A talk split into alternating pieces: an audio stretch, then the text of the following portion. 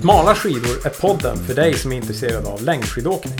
Varje onsdag sänder vi nya avsnitt från Sveriges skidmecka Piteå. Och jag och Kai är på jakt efter att bli bättre långloppsåkare.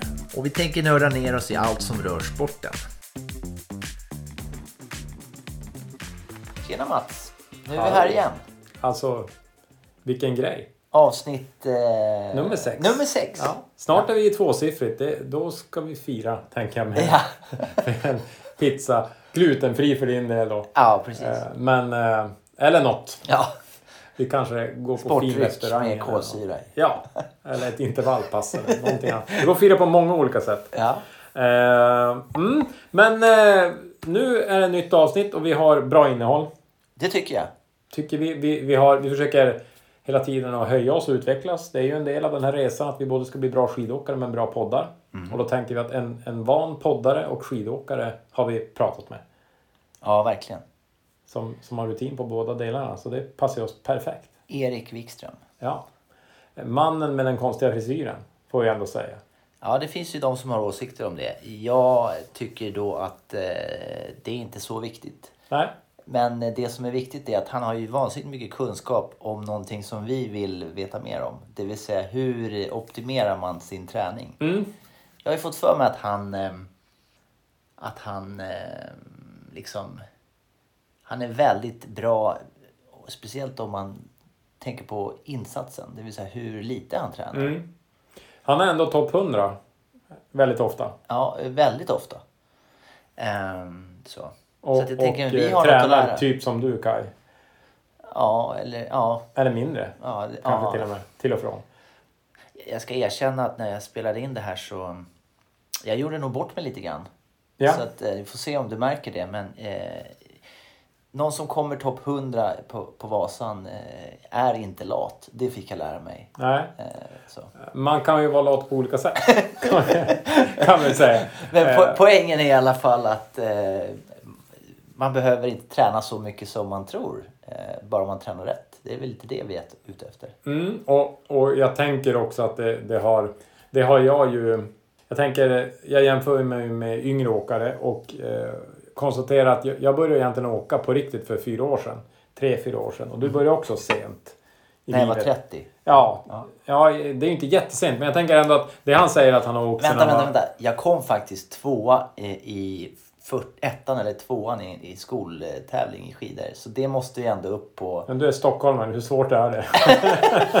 Du menar att vi... Nej, men vi var Nej, några är inte stycken. Stockholm, men ja, okej. Ja, jag tänker ändå att det... det Historiken måste vara korrekt i tror alla att, fall. jag tror att eh, det är svårare att komma eh, tvåa i... Eh, I Svensbyn. ja, Ja. snudd på. Men det är ändå eh, bra Kai. Eh, och du, då har du med gedigen bakgrund. Jag åkte lilla Karlavagnen och hade antagligen sist. Det jag skulle komma till var att ha med en bra skidbakgrund så Ja. tror jag, och liksom en bra konditionsbakgrund så är det ju lättare att hålla igång. Jag tror någon podd hade i Lager 157 pratat just om vem inom topp 100 har tränat minst. Och jag har för mig att det var 200 träningstimmar eller något, så alltså ännu mindre än Erik. Oj. Eh, men det är ju det är ju otroligt bra om man kan hålla det. Ja. Får man ju säga. Och då gäller det att träna rätt. Och det, det kommer ni att prata om lite grann, som jag förstår. Ja, visst. Och sen så blev det inte lite som jag hade tänkt. Det var, tror jag, bättre. Det var också massa framtidsspaningar. Jag visste inte att Erik kanske är någon form av trendsättare. Men... Eh, om vi- Inte när det gäller frisyr då. Ja, det, Utan- det, det ska vara osagt. Det, det kan vara så att det blir en eh, skidåkarfrisyr framåt. Ja. Eh, Men Ja, du, får höra, inte? du får höra nu. eh, Jag tyckte det, det var spännande. Jag, Ja, kul. Ja, jag ser fram emot. Jag, jag har lyssnat ganska mycket på Lagom Kondition och jag tycker det är en bra podd. Eh, speciellt när de eh, har fokus mot skidåkning. De är ju lite och valsar i löpning och lite allt möjligt. Men, men eh, vissa avsnitt är riktigt, riktigt bra. Så Ja. det, det hör värt och, och han har sina poänger. ja. Så eh, vi, vi tar väl och lyssnar. Får vi Ja, se. Välkommen till eh, Smala skidor, Erik. Tack så mycket. Eh, jag har ju funderat på vad har jag för het fråga till dig eh, nu när jag får chansen att prata med dig. Och, och om jag inte kommer ihåg fel så är du lite lat, det vill säga att du, du tränar inte lika mycket, lika många timmar som, som andra som är lika bra som du på skidor. Eh, det stämmer att jag tränar ganska lite, men ordet lat är nog inte något som jag skulle, som varken jag eller min omgivning skulle förknippa med mig som. Det är sällan jag ligger på, på soffan och slötittar på Netflix, eh, utan det är mer att jag har, ja, men jag har väldigt fullt upp med, med min familj. Jag har tre småbarn och har ett hus som ska skötas om och jag har ett jobb som tar mycket tid. Så uh, Lat är jag inte, men jag tränar väldigt, väldigt lite och kanske ja, typ hälften mot dem som jag tävlar mot, om ens det ibland. Så um, ja. ja för, nu... för, du är stadigt topp 100 på Vasan, visst? Han har varit 11 år i rad, så det är något som jag är väldigt nöjd med och försöker vara kvar i det. Och målsättningen är det varje år att klamra sig fast där. Och hur mycket, eller hur lite tränar du då? Eh, ja, men jag, många år på slutet har det blivit 325 timmar ungefär. Nu, nu det är ju inte ens en timme om dagen. Nej, det är målet. Men förra året tränade jag faktiskt lite mer. Då tränade jag 450 timmar. Så det var det mesta jag tränat på jättelänge. Och det berodde på att jag hade mer tid då till följd av pandemin, när många saker var inställda. Nice. Och det gav också en jätteeffekt. Då persade jag i, i allting. Jag var bättre än någonsin i skijärg, bättre än någonsin i rullskidor, styrka, löpning, liksom slog över tio år gamla personbästan och var i mitt livsform. Och det var när jag höjde då från 325 till 450 timmar. Så um, det är lockande kanske öka till 600 och se vad som händer. Eh, jag räknar här direkt då. Eh, det är ju typ en dryg timme bara. Från mindre än en timme till drygt en timme om dagen i snitt. Och så mm.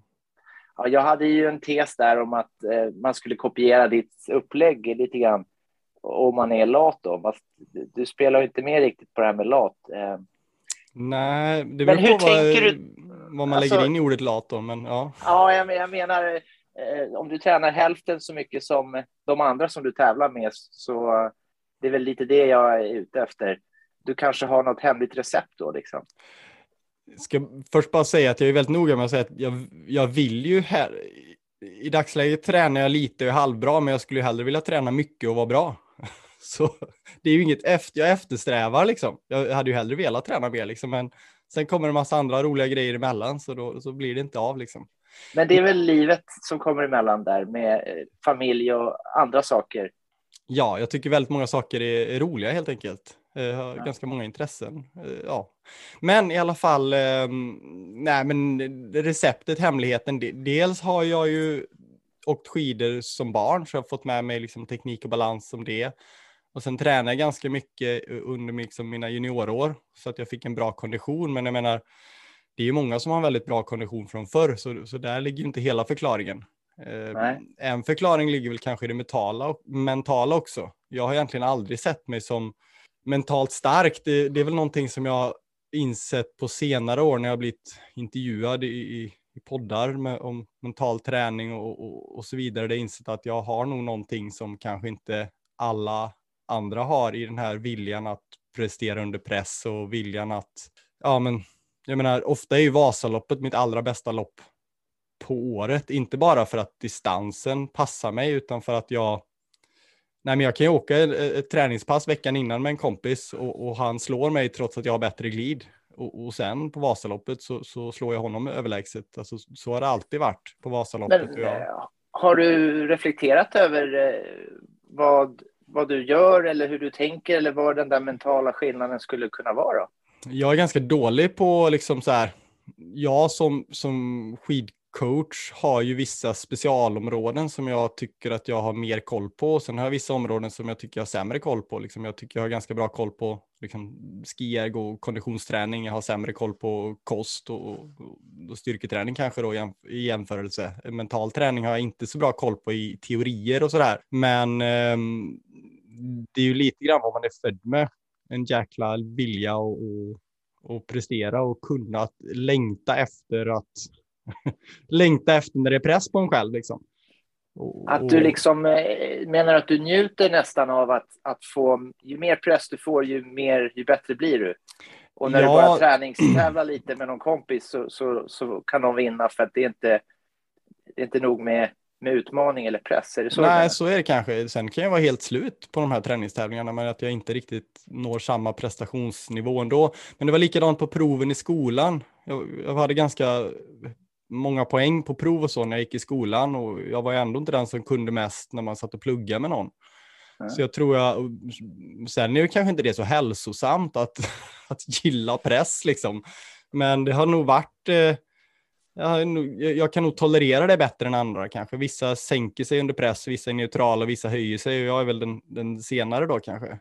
Ja, men det här är ju inte bra för jag kommer ihåg att jag har ju faktiskt spurtat ifrån dig på en eh, träningsläger med Cecil Tusen en gång. Ja, det förvånar mig inte. Ja, okay. Men det var ju, vi behöver inte säga att du hade fyra och jag hade tvåor på julen, men, men, eh, men ändå. det förklarar en sak. Eh, hade det varit nummerlapp på och Vasan, då, då hade det varit en annan utmaning och då hade du frigjort mer resurser. Skulle man kunna dra den slutsatsen eller? Kanske lite. Sen är det ju såklart att det mentala är en liten del i många delar. Eh, 2016 skrev jag en bok som heter Smart konditionsträning och den skrev jag då för att jag tyckte att många behövde ändra på sitt träningsupplägg och den var ju redan då tränade jag ju ganska lite sett till resultaten jag gjorde. Och där har jag, skrev jag typ så här 11 nycklar till bra kondition eller liksom så här 11 nycklar till träning. Ja. Och mm, flera av de grejerna är något som lite grann kommit idag. Liksom en av dem handlar väldigt mycket om, ja, nu blir, blir det väldigt specifikt om en tröghjul till exempel. Jag var ju väldigt tidig med att köra på fyror. Ja. Eh, förr, liksom 2016 eller åtminstone, ja, då var det många av de här elitåkarna och långloppslagen som körde sina långpass på treor och intervallpass på tvåor. Nu kör ju alla eh, de proffsen sina lugna, långa pass på fyror och även in, många intervallpass på fyror. Liksom. Det har skiftat något enormt. En annan grej jag pratade mycket om då var ju den här halvhårda träningen som är så viktig. Det har ju liksom... Gubbpassen menar du? Ja, det är en jätteviktig intensitetszon. Hela Vasaloppet är ju ett gubbpass liksom. Det är ju inte, det är inte speciellt jag menar, Vasaloppet är ju inte två minuters intervaller och, och, det är inte två timmar lugnt där du ska stanna och dricka sportdryck varje halvtimme och, och, och ha pissepauser stup i kvarten liksom, utan den där kontinuerliga halvhårda arbetet är ju superviktig förberedelse för långlopp.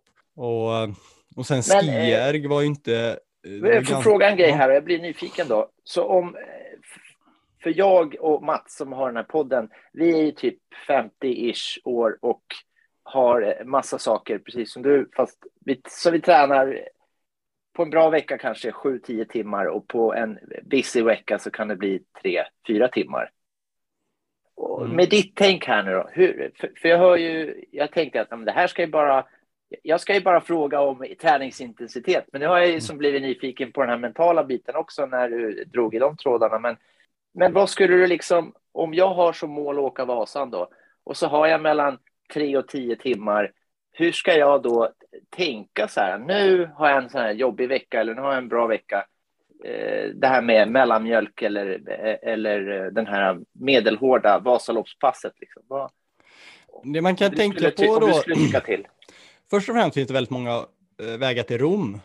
Eh, jag lyssnade på någon intervju med Nils van der Poel, hans 1100 träningstimmar och det är klart att det är en annan träningsfilosofi om du tränar 1100 timmar om året jämfört med 350.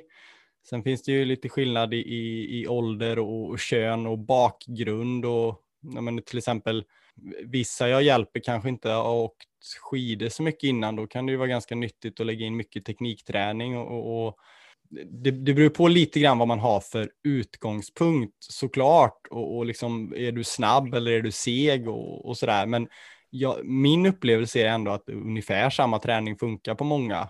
Sen är ju en annan grej att ha med sig, det är att motivation är ju en otrolig nyckel. Liksom, jag startade min coachingtjänst tänkte jag att ja, men det jag bidrar med det, det, är min kunskap i träningsprogrammen. Men efterhand har jag insett att eh, motivationen är ju otroligt avgörande. Och jag lyssnade på ett eh, poddavsnitt nummer tre där, där Åse Borgeryd var med som jag har träffat Precis som jag ja. träffat dig genom CC1000 så har jag träffat henne genom den.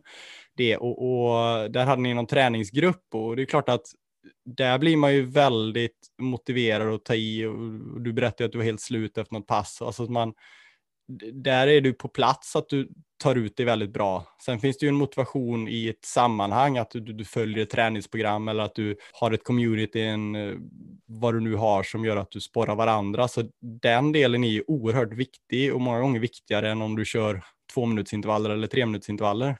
Ja, just det. Som att jag har vänner eller eh, kollegor som jag tränar med, så då vill jag inte hamna efter. Så den så att säga, stödet eller hetsen som kan bli i en träningsgrupp kan ju göra större skillnad än, än vad vi faktiskt gör eh, för att få till träningen. Ja, och, och då får man liksom, då kanske ni ringar in veckan i, mellan det passet och, och, och, så vidare och att du känner det meningsfullt att träna inför. Det nästan så att man känner sig formtoppad varje vecka inför det passet. Nej, men att man, nej, men att man har ett sammanhang, det, det är ju jätteviktigt. Sen om, för att svara lite mer konkret på din fråga då, så Eh, ett bra riktmärke det är ju att ha olika intensitetsnivåer då. Alltså några pass som går lugnt och några halvfort och något som går väldigt fort då. De här halvhård, eller de här lugna passen måste inte vara de korta och de hårda måste inte vara de, eller de lugna måste inte vara de långa och de hårda måste inte vara de korta. Jag har ett sånt här favoritpass på hösten då som ofta är med som heter Fall of the 13. Som något jag körde hösten 2013 som är ganska utmanande pass då. 90 minuter lugnt, 75 minuter halvhårt, 10 minuter så fort det går och 5 minuter lugnt. Det är ett väldigt tufft mentalt pass att genomföra med något som är fantastisk förberedelse för långlopp. Sen finns det många andra exempel på hårda långpass eller hårda, hal långa halvhårda pass, men att kan man få till sådana där pass lite då och då är det ju väldigt gynnsamt. Men eh, som sagt, eh, det är väl jättebra om du har ett hårt intervallpass med kanske 30 minuters intervalltid där du går nästan max, sparar lite grann kanske, men du är jätteflåsig. Och så ett pass där ute och kör en timme eller två i, i din Vasaloppsfart och sen en hel del lugn träning.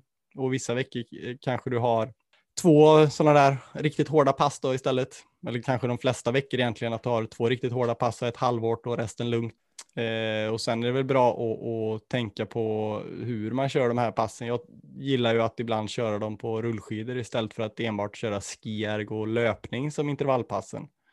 För eh, många lär sig inte att köra fort på rullskidor, utan de lär sig att driva puls bara på skierg och löpning. Jag tycker det är väldigt bra. Man kan ju köra intervaller på rullskidor och lära sig att få upp pulsen på rullskidor. Det är inte alla som är så bra på det. Eh, om du skulle säga, varför är man inte bra på det då?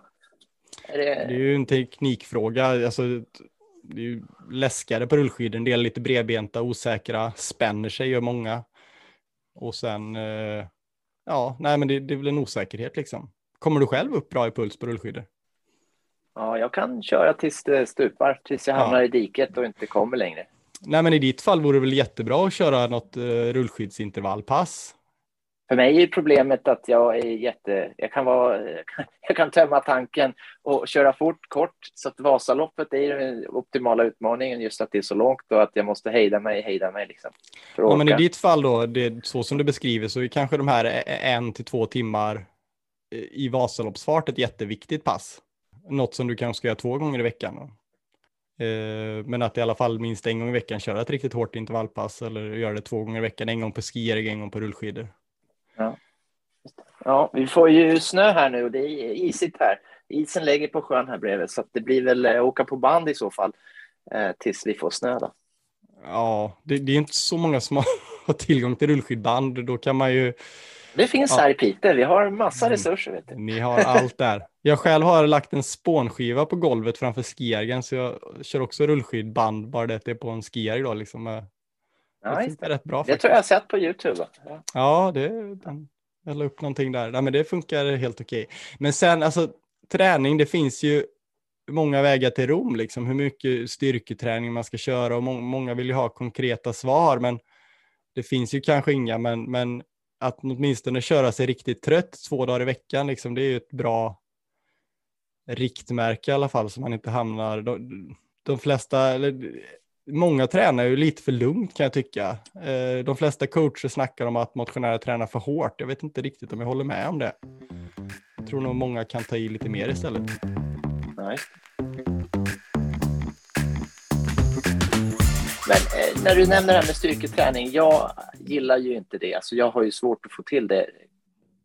Hur är det med styrketräning för dig? Får du, tycker du det är kul och får du det gjort eller föredrar du något annat? Nej, men jag tycker det är rätt kul. Jag har ett gym i, i källaren som är ganska välutrustat och eh, jag kör ibland när barnen är med där också, och, eller jag bjuder dit någon kompis och så. Jag tycker det är ganska trevligt att köra styrketräning, men liksom det är inte där, där skiljer det sig lite. Klart, alltså, är du led 1-åkare eller 2-åkare eller elitledsåkare och ska staka Vasan och göra det riktigt bra, då, då har ju den här styrketräningen en, en fin effekt i mina erfarenheter. Är du liksom lite längre bak i leden så är ju en timmes stakning på skijärg nästan alltid att föredra istället för ett gympass. Så sett. Ehm, Jag är ju led fyra med eh, någon form av vision på att komma till led tre. Använder du Festvalla? Eh, jag har gjort det hittills. Men eh, Ja. jag står i vägskälet och jag har ju Mm. bara stakat. Nej, men i ditt fall så tror jag liksom det, det, är, klart att det är bra att styrketräna för, för att hålla sig stark i, i svaga delar av kroppen och så vidare. Men för att du ska komma snabbare till Mora så, så kommer du troligtvis ha mer ut av att lägga till ytterligare ett stakpass. jag gillar det här Erik. Det här är musik. Alla andra säger så ja ah, du måste styrketräna, men jag gillar hur du får till det här. För det är mycket roligare att stå i skijärgen tycker jag en timme än att lyfta skrot liksom. Eh, Mm. Men ju det är som du säger, eh, det är som du säger, eh, det är väl den bästa träningen, det är väl den man får till va? Eh, Ja, så länge inte det är paddel. Det, men, men det här med mental grej, alltså jag blir lite nyfiken på det, för skillnaden liksom om du säger att du, när du presterar bäst när det är li, liksom lite press, eh, om du jämför med omgivningen då, eh, mm. inte som att, alltså några nycklar, är det någonting som du märker att du kanske gör eller tänker annorlunda eller, någon, eller förhåller det så att du får tillgång till det där? Ja, men förhållningssätt är ju att jag är ganska duktig på att skita i dåliga resultat. Eh, för, förr var jag ganska jämn. Sådär. Nu, nu är jag lite mer ojämn, Jag blandar och ger lite mer. Och, nej, men jag hade liksom, ibland får jag ju stryk av folk liksom som jag verkligen inte borde få stryk av, men jag är ganska duktig på att skaka av mig det. Att du inte ältar liksom ett Ja. misslyckande utan du är redan på väg till nya segrar. Lite så eller? Nej, men jag tycker ett bra exempel på liksom seriösa motionärer, ja, men som, som du och andra liksom led två-åkare eller vad det nu är, då, då, då, då är det ofta full mental insats på sidningsloppen i januari och det ska eh, vara specialläger i december och det tränas jävel och så, och, och så supertaggade och vallat upp hundra par skidor till sidningsloppen där i januari och februari och sen liksom i andra halvan av februari så tar lite grann det mentala krutet slut och så kommer man till Vasaloppet och är liksom nästan man märker det. Utbränd nästan. Ja, men lite så liksom. Och, och ett vanligt fenomen det är att börja snacka om nästa års Vasalopp eh, veckorna innan. Jag vet inte om det är något du själv tänkt på eller du själv hört från din omgivning. Har du gjort det? Prata om eh, Vasaloppet 2024 eller 2023 då, nu här i februari menar du? Ja, precis. Ja, Det- Så långt brukar inte horisonten vara. Nej, men det är inte helt ovanligt faktiskt att folk liksom bara då börjar tänka på det och, och liksom, ja, då ska Du menar träna. för att distrahera sig som att man har inte krutet kvar utan man börjar visionera längre bort? eh, Så Alltså de, dels kan det vara som en distraktion för att släppa pressen på sig själv, men också att man liksom börjar tänka på vad man kan göra bättre till nästa år istället, och istället för att fokusera på uppgiften som man har framför sig. Min upplevelse är att en del tappar edgen lite grann och det, det här kan också bli så om man är, ja, alltså att det, det gäller att spara mentala krutet. I vårt fall, vi har en väldigt speciell idrott där ett lopp är större än allt annat då, liksom, till skillnad från en fotbollsserie där du behöver ladda om och ladda om och ladda om då. Utan här är det verkligen allt på ett kort, Vasaloppet för många. Och nej, men då gäller det att strunta i, i dåliga resultat i januari på sidningsloppen. Och framförallt, det är klart att man står på startlinjen ska man ju ge allt och komma i mål med maxpuls, men att man ändå, Att Ja, man inte men är man- slut innan man har startat eh, mentalt i alla fall. ja, så att man, det här är ju lättare sagt än gjort såklart. Jag menar, det är inte det är, säga till någon att bry dig inte så mycket om ett resultat, det, är- det är ju inte så jäkla det är inte så lätt. Och det är därför jag menar att det här är inte mitt specialområde. Jag tror jag är ganska dålig på att lära ut mental träning. För jag vet inte hur eh, man ska tänka, men det handlar väl om att övertyga. Jag håller faktiskt på att läsa en bok om motivation just nu för, för att förkovra mig lite i det här. Men Ja. eh, nej, men att vara fokuserad. Som sagt, i vårt fall, med, vi är ambitiösa motionärer som har ett stort mål att prestera på Vasaloppet, att, man, att, man, att det är målet och allt annat är liksom, det är delmål och det är inte lika viktigt. Ja. ja, jag gillar den där idén om att man gör så gott man kan, eh, men sen går det inte som man har planerat, att man inte ältar eh, det utan fokuserar framåt så att säga. För det är ändå, för mig i alla fall, är det bara en, det här är en lek, det är en egogrej att, att ha tid för mig själv och göra, det, det är inte min karriär så att eh, jag blir inte av med jobbet om, om det går dåligt. Om det blir led fem liksom, så, så, så är det inte hela världen, mer än att eh, det manliga egot kanske får sig en törn. Liksom. Ja, eh, precis, men det är nog många som, även om de inte är professionella, som bryr sig väldigt mycket om det. Ja, det kanske är det som är grejen då. Eh, som du, som, för dig, att du, du inte bryr dig om det så mycket eh, som, an, som omgivningen, vilket gör att du eh, kan frigöra mer energi. Mm. Sen bry, just Vasaloppet bryr jag mig om resultatet då ju. Eftersom Ja. det, det, det är så lurigt för att mitt yrke då, liksom skidcoach på heltid är Då är det bra att komma bra i Vasan. Ja, alltså tidigare tänkte jag alltid att det spelar, vinner man inte så spelar det ingen roll vilken placering man får. Men jag menar, jag tror att i mitt fall så kanske det är fler som anlitar mig som coach om jag blir 67 än 367. Eh, så på det sättet skulle jag vilja prestera hyfsat bra i alla fall. Sen är Ja. det ju kanske inte det förändrar mig som i min roll sådär, men det, nej men jag vill prestera på Vasaloppet, absolut. Och det är något det jag kan vara lite Det låter ju bra. Det var ju det första jag tänkte på. Så här, ja, men, eh, du kommer ju alltid topp 100. Och det, liksom, komma tvåsiffrigt på Vasan, det är ju rätt så, rätt så kaxigt. Ja, Det är många som har det som ett stort mål. Det, det är det ju. Och, och, Ja, jag drömmer inte ens om det. Vad har du för mål i år nu? Är det starta eller tre? Ja, si- sida mig till, tre, till trean och sen eh, det där topp 1000, eh, det finns ju kvar där, helt Mm. klart. Mm, nej, men jag menar, det är ju ett jättestort mål man väl lyckas med det. Man gör ju allting på, på sin nivå. Det är väl det fina som med, med, med skidåkning, att någon, man kan bli lika glad för att nå topp 1000 som man kan bli för att nå topp 100 eller att vinna. Ja, ja Mm. precis. För, för vissa saker är ju mer möjliga än andra, så att säga. Mm. Eh, Men jag, jag känner igen mycket i det där du säger om att man har nästan bränt ut sig. Alltså, för det är som att sommaren, nu i alla fall, så går jag och laddar på när kommer snön, när får jag börja åka på snö och sen Mm. när är de här första sidningsloppen. Och sen kan det vara liksom att man tränar för hårt nästan. Att Jag brukar nästan bli lite för sliten där vid nyår för man har liksom så snökåt så att man, man har liksom... eh, Mm. Så det är kanske är bra att tänka på Ja, ni som också har en lite längre säsong. Nej, men jag brukar se det som att när du åker ett skidlopp måste du, framförallt i starterna, måste du kolla långt fram. För att du måste titta efter krascher för att välja bästa spåret.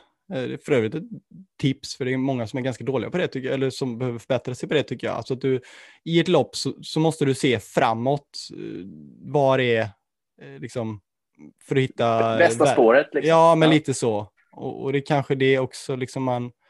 Och det, och det är li- lite oväsentligt exakt vad som är framför dig där. Det är, det är obetydligt. Det viktigaste är att det inte är en krasch där framför, då stannar det helt.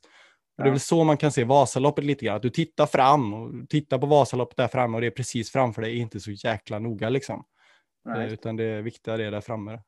Ja, den mentala blicken Mm. i- för, för Vasaloppet. Ja, och återigen, lättare sagt än gjort då. Så, men, eh, Jo, men det är alltid teorin är ju enkelt, men det är när man lyckas med det som, det, som teorin blir bra. Så eh, mm. Men du, jag är också nyfiken på en sak. Wikström coaching. Eh, Jag har ju varit inne på din hemsida och sådär. Kan inte du säga någonting om det? Liksom, jag bor i Norrbotten. Kan man vara med på det även om du håller till i, visst är det Borås? Va?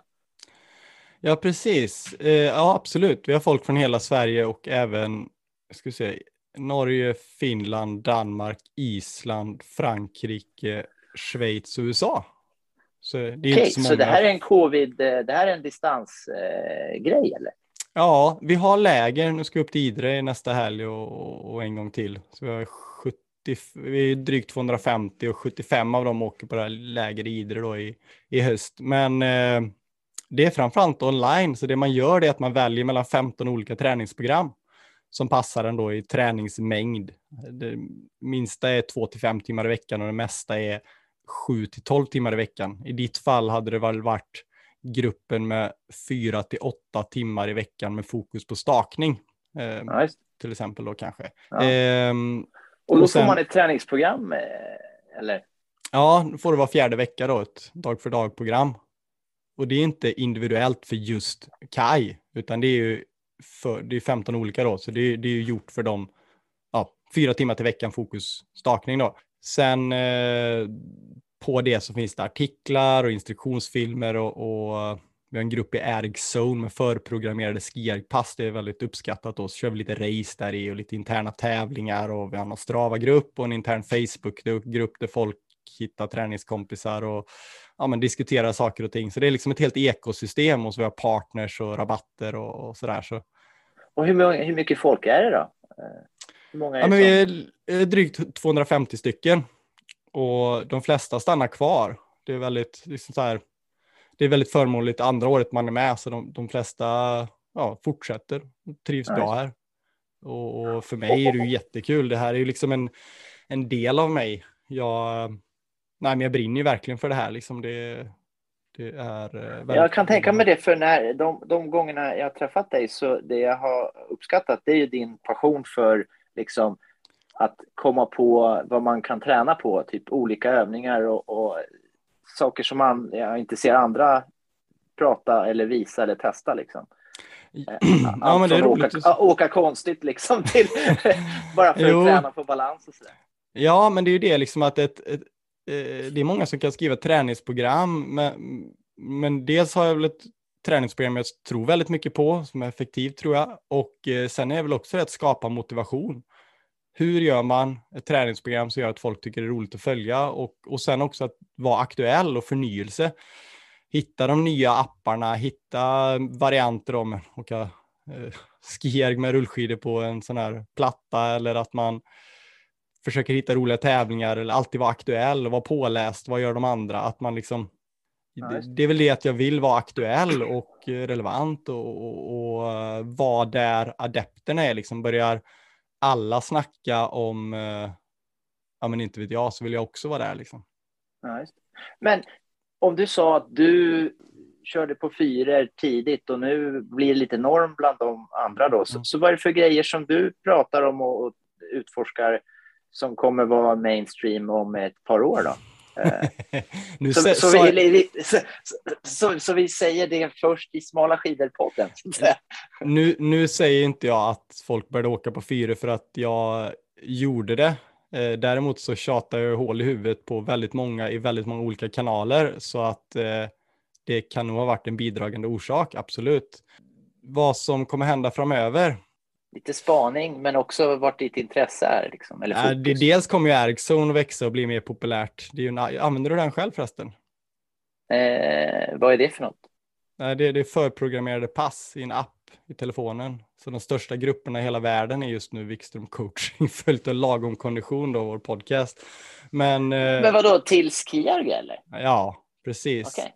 Vad sa du att det hette? Ergzone? Ja, det kommer växa. Det är ju redan stort. Det är bra, man behöver inte snö för det. Nej, sen kommer Gate, det är ju en sån här lurig grej. Det har man liksom trott på lite grann. Det pyser liksom där små puttra på. Det exploderar aldrig. Jag tycker att jag har lite mer folk på skatekurserna varje år när skidkurserna där hemma, men det liksom slår aldrig ut på riktigt.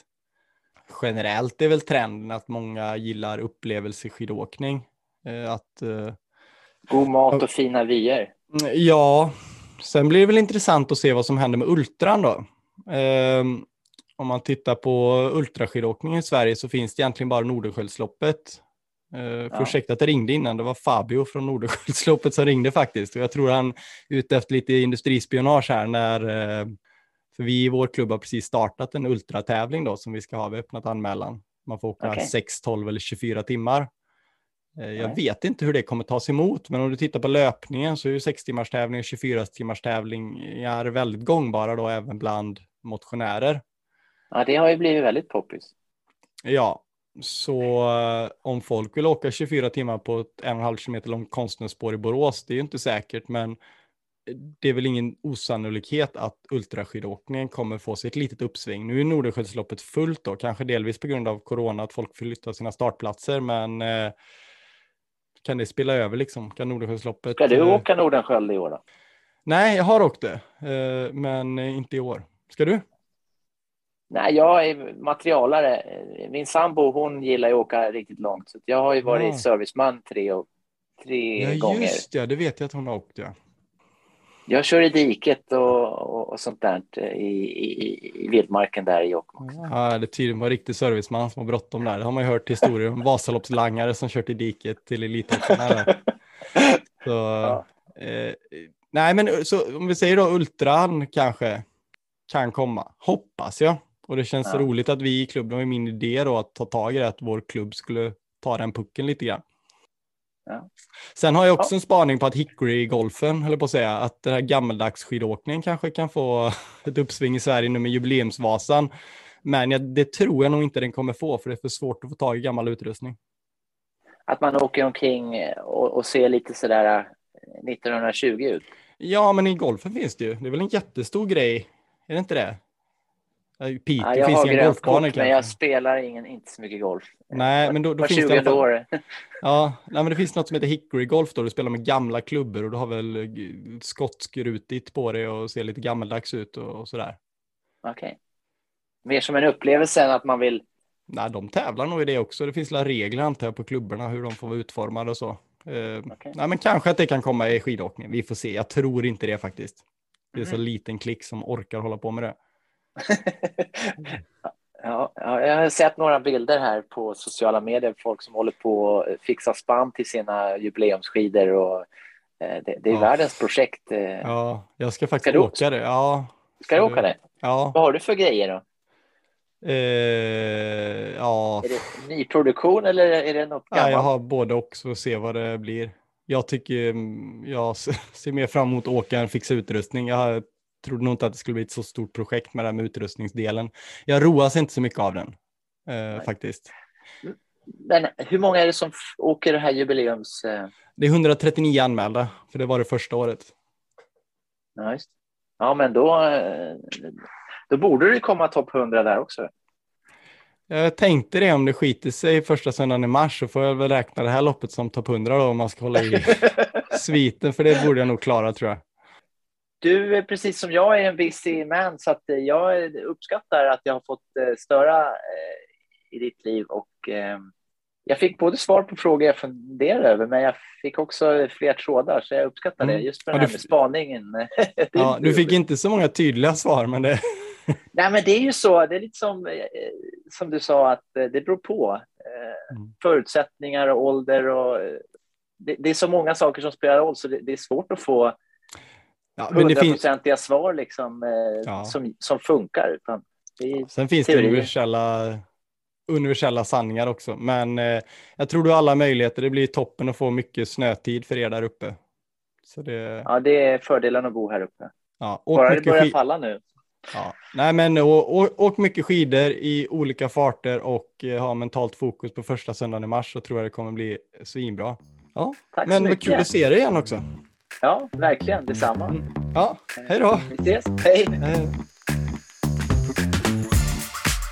Så, det var Erik Wikström. Snyggt jobbat. Ja, det var Eller kul. Wikström kanske man säger. Hur säger man? Erik Wikström. Ja. Eller Wikström coaching. Det är, Som, jag eh, tänker det är väl hans, ett CK. eh, Alltså, så det borde vara Wikström snarare än Wikström. Ja, jag vet inte. Jag fick nog inte så bra betyg i svenska och grammatik. Så det där får Vi- du sköta. Vi lämnar det och pratar skidåkning istället. Ja, precis. Eh, intressant. Himla skön eh, lirare det här eh, Erik alltså. Mm. Nej, men det känns som att han har, eh, han har funderat en del och, och alltså en funderande skidåkare som utvecklar och tänker och ligger steget före ibland. Och, Ja, det ska bli spännande att se om fem år om det är fullt med maraton, sådana här 6-12 timmars skidor, tävlingar och sånt där. jag tänkte, du Inte körde, ju, omöjligt. du körde ju Zoom-erg här tidigare. Eh, med Zoom-ski-erg. Så jag tänker att du, du är ju också lite i framkant där, Kai. Ja, det var väl mer att jag behövde sällskap och pepp så vi körde eh, live Zoom-möte skijärg. Ja, men, det, tycker jag är fantastiskt liksom? bra. Jag, jag är ju kanske Sveriges... Eh, jag har en skier och den är nog Sveriges minst använda. Tror jag. Eh, med tanke på åldern på den. Så jag, jag måste, Andrahandsvärdet är högt då? Den Ja, verkligen. Men jag tror att Zoomärg skulle kunna få mig att eh, Ja, men det ska vi köra. Så det, det är en bra grej. Ja. Nej men eh, spännande. Jag tänker att eh, med tanke på, jag såg att de hade blivit nominerade eh, lagom kondition i någon, någonting, i någon poddtävling eller sådär. Ja. Eh, så att eh, det känns som att det är en uppskattad, uppskattad, uppskattad podd. Eh, och Han ligger lite före i antalet avsnitt. Eh, Det var flera hundra. Så, Ja, så att, eh, vi, vi, vi får jobba på helt enkelt. De, de har ju också en Instagram eh, som är ganska rolig faktiskt. Ja, men det har ju vi också. Du har Ja. ju fixat det här med Instagram nu. Precis. Vad heter den nu då? Smala, skidor, eller Ja. smala understreck skidor. Ja. Eh, så att ja, vi, vi ska också jobba på den. Mm. Jag tänker att vi ska eh, försöka utveckla den. Men just nu så fokuserar vi på podd framför allt. Ja. Eh, det är ju därför vi är här. För att lära oss att podda och för att lära oss att åka skidor. Och det jag tar med mig från eh, samtalet med Erik, det var ju att det var första gången som jag kände hopp inför det här med styrketräningen. Ja, Att han sa att det är alltid bättre, om jag kommer ihåg det rätt, det är alltid bättre att göra en timme skier kontra en timme styrketräning. Så det känns ju som att jag har hittat hem igen. Mm. Det är, alla tjatar om den här styrketräningen som ska vara himla bra. Men jag tror faktiskt att skier grenspecifikt vinner. ja och, och, och skier kan jag på säga. Ja. Om man nu kan eh, åka. Men man brukar ju visualisera sig ibland när man åker. Att man är någonstans. Så. Det, det vet jag. När jag spelat lite golf och då brukar jag tänka sen när jag står på ranchen att ja, nu slår jag ut på det där hålet och gör det och det. Och så kan man ju tänka lite grann med skier också. Att nu är det första backen och så kör man. Nu är Mats före, nu ska jag förbi. Ja, exakt. Ehm, mentalt. Ja. Nej, men eh, bra. Vi, eh, vi ser fram emot att fortsätta podda och hoppas att ni går in på vår Instagram och tycker till. Om ni Ja, man skulle ha likea, gilla, följa och allt man ska göra där. Ja, alltihopa. Och, och, Feedbacka också. ja. Tummen upp. Säg vad ni gillar. Säg vad ni gillar, eh, men inget ni ogillar.